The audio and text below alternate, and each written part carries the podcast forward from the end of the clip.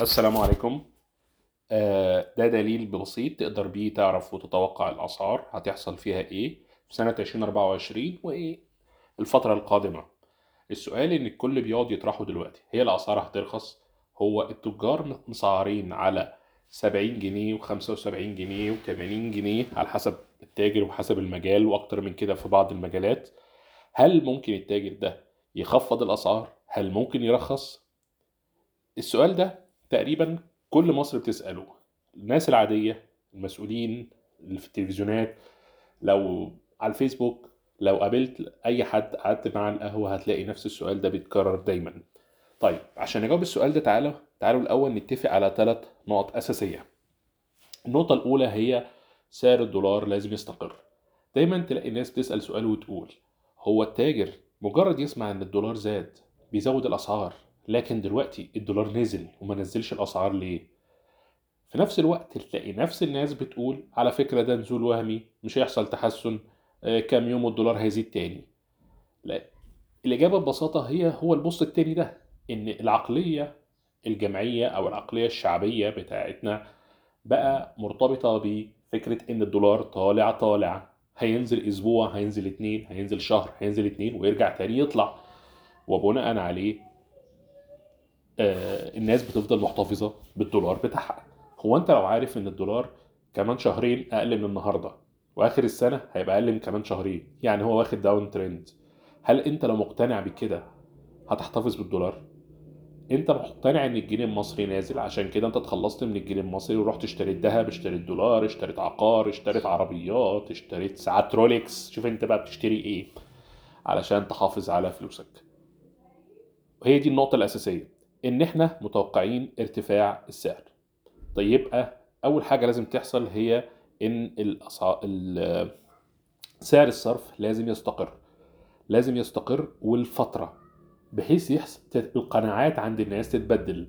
افتكر اللي حصل في 2016 إيه؟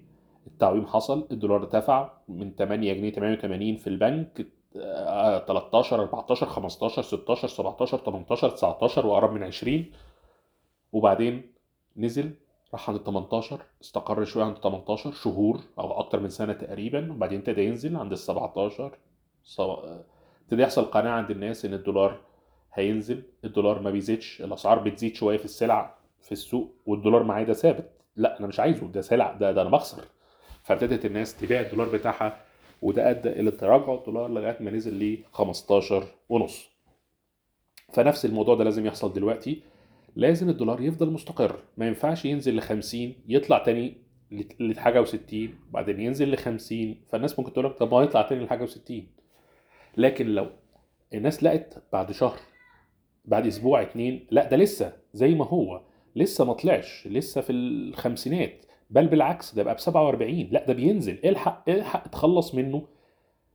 والناحية التانية التاجر هيقول آه لا ده مستقر.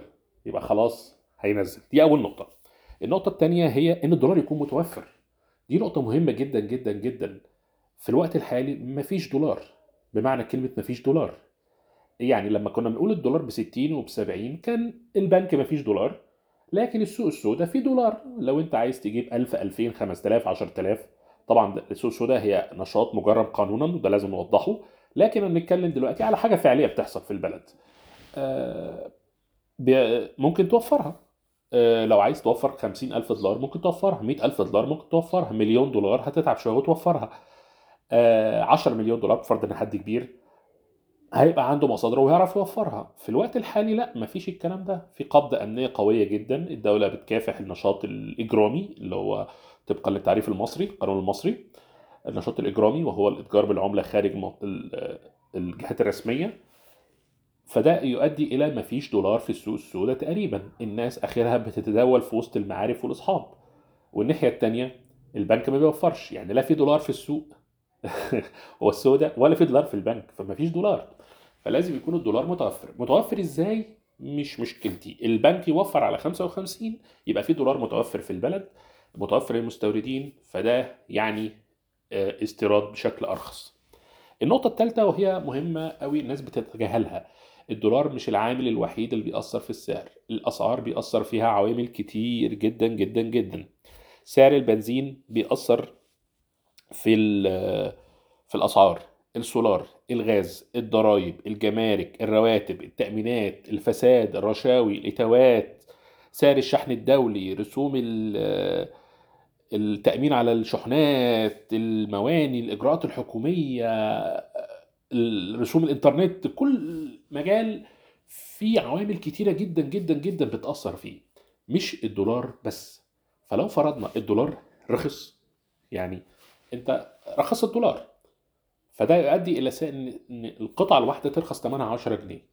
لكن آه، سعر الشحن الدولي زاد والجمارك زادت والتأمين رسوم التأمين زادت ومدة وصول الشحنات زادت وفي فساد زاد فالإتاوات زادت والرشاوي زادت ومش عارف إيه زاد فتلاقي إن نفسك وفرت 10 جنيه من سعر الدولار وزودت 12 جنيه في السلع الثانية فالناس تقول لك ها الدولار رخص المفروض ينزل 10 جنيه. طب وبالنسبة لل 12 جنيه اللي زادوا دول؟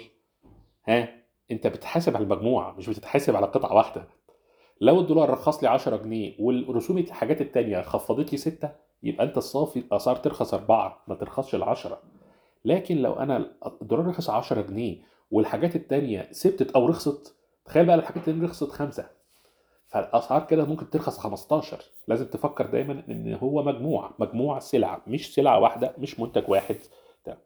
طيب هنفترض الثلاث نقط اللي إحنا قلناهم دول؟ خلاص مستقرين موجودين. الدولار متوفر الدولار موجود مستقر الرسوم آه، الأخرى ثابتة. هنا نبتدي بقى نخش على السلعة اللي عندنا. السلعة دي عايزين نقسمها لثلاث أقسام. القسم الأول أنا بسميه أنا اللي بسميه. السلع الحرة المرنة. باختصار كده تخيل معايا إن في تاجر في لابتوب آه، بيتباع بره ب 1000 دولار التاجر بيجيب جابه اشترى دولار ب 70 جنيه وجاب بيه اللابتوب ده وبيبيعه ب 5 بيبيعه ب 75000 جنيه. طيب الدولار دلوقتي بقى ب 50 التاجر قال لك لأ أنا هستنى لما أبيع اللاب بتاعي أبو سب... أبو 75000 ده وبعد كده أشوف الجديد. إيه اللي هيحصل؟ هيجي تاجر تاني ما عندوش اللابتوب ده هيروح رايح شاري دولار ب 50 جنيه وجايب اللاب وبايعه ب 55000 في البلد فالتاجر التاني ده هيبيع. الأولاني مش هيبيع عشان بيبيع ب 75 التاجر التاني هيروح يشتري تاني ويبيع ويشتري ويبيع والأولاني قاعد جنب اللابتوب بتاعه قاعد مستنيه إن هو يبيعه ب 75 ومش هيبيعه ب 75 فبعد شوية هيقتنع إن الحل الوحيد إن هو كمان يرخص وينزل ويبيع زي الأولاني ب 55 وحتى لو خسر دلوقتي بس يشتغل. ده النقطة الأولى. طيب أنا ليه بسميها حرة مرنة. تعال بقى للنقطة رقم اثنين وهي إن السلع المحتكرة. هنا بقى نفس فكرة الحاجة الأولى إن السلعه رخصت. بس السلعة دي ليها كبير. السلعة دي عدد معين بس هو اللي بيستوردها أو هو بس اللي بينتجها. عدد صغير عدد محكوم. السلع دي مش سهلة إن أنت تقول أنا هروح أنا هستورد أنا هروح أجيب عربيات مثلا. أنا لا إيه ده؟ هي أسعار مرسيدس غالية ليه؟ أنا هنزل ألمانيا أشتري لي 2000 عربية مرسيدس واشحنهم. ما فيش الكلام ده ما حدش يقدر يعني. آه السلع دي التاجر بتاعها هنا سواء أنا بتكلم دلوقتي إن هو شخص أو مجموعة أشخاص مش شرط إن يبقى شخص واحد. هنا هو يقدر يفضل قاعد يبيعها بالسعر العالي لأن ما عندوش الخطر اللي عند الأولاني. الأولاني عنده الخطر إن واحد تاني يروح يجيب السلعة ويبيعها أرخص منه ويضربه في السوق.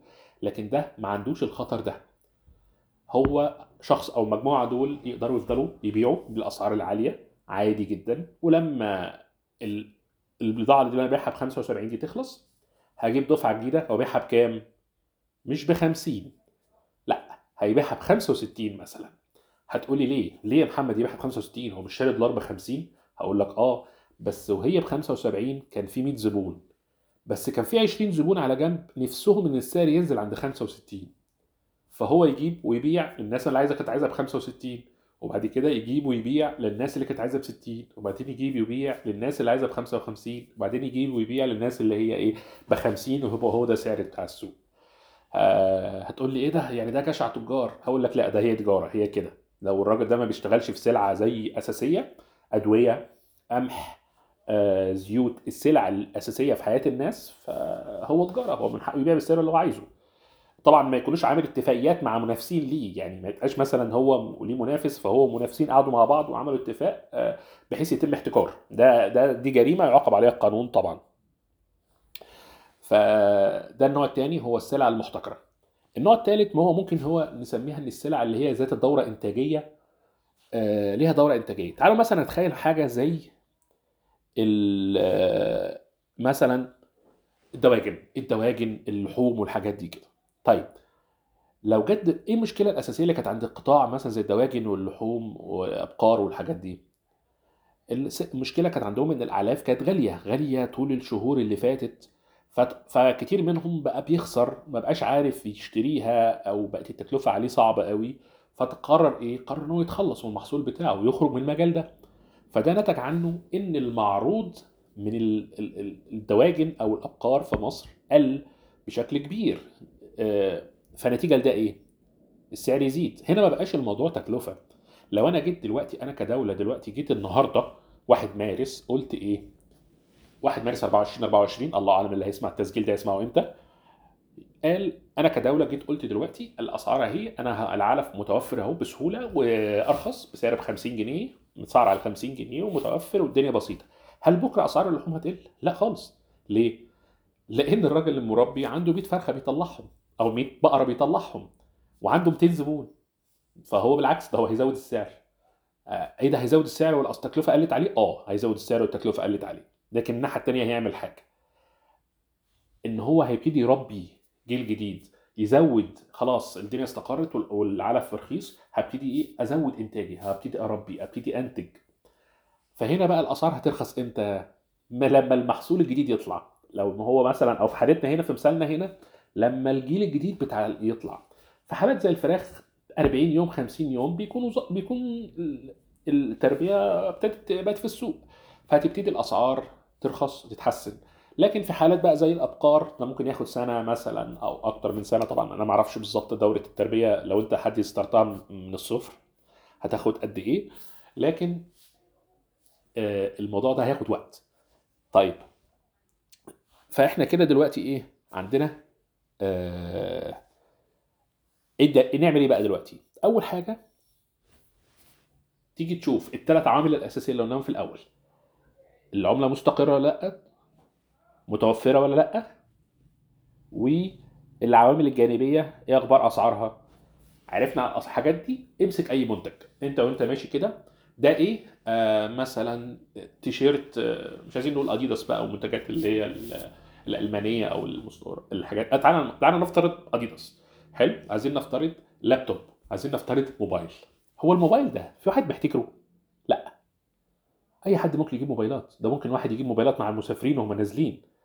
ممكن ناس يعني ما فيش احتكار للموبايلات. آه يبقى طالما ما فيش احتكار يبقى الراجل ده لو ما نزلش الأسعار هيبتدي المنافسين بتوعه يضربوه.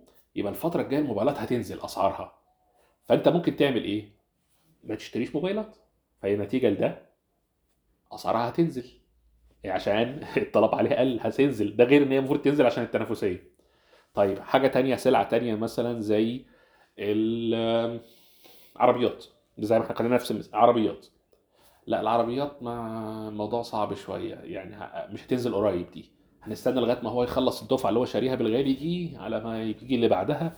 الله أعلم بقى ساعتها الدولار هيبقى بكام لو كان لسه الدولار رخيص فهيبتدي أسعار العربيات ترخص. بس يعني شوية لا لا العربيات مش ترخص بسرعة ده تاخد شوية حلوين عشان ترخص. آه، الحديد إيه أخباره؟ لا الحديد ليه وضع خاص الحديد بيتباع أصلا بالدولار في مصر يعني. لأن الحديد مثلا آه، متسعر مثلا ب 820 دولار للطن يعني. فهو لما بيقول لك الحديد رخص الحديد زاد هو هو كده كده هو بيبيع بالدولار أساسا. فهو رخص وزاد دي على الورق يعني. لكن أقصد إن أنت طب اللح- اللحمه طب الفراخ طب تعالى مثلا نتخيل معايا القمح. الدقيق هيرخص ولا هيزيد؟ هيرخص. طب لا ده هيرخص ده ده محتاج عنده دورة آه، زراعة ده.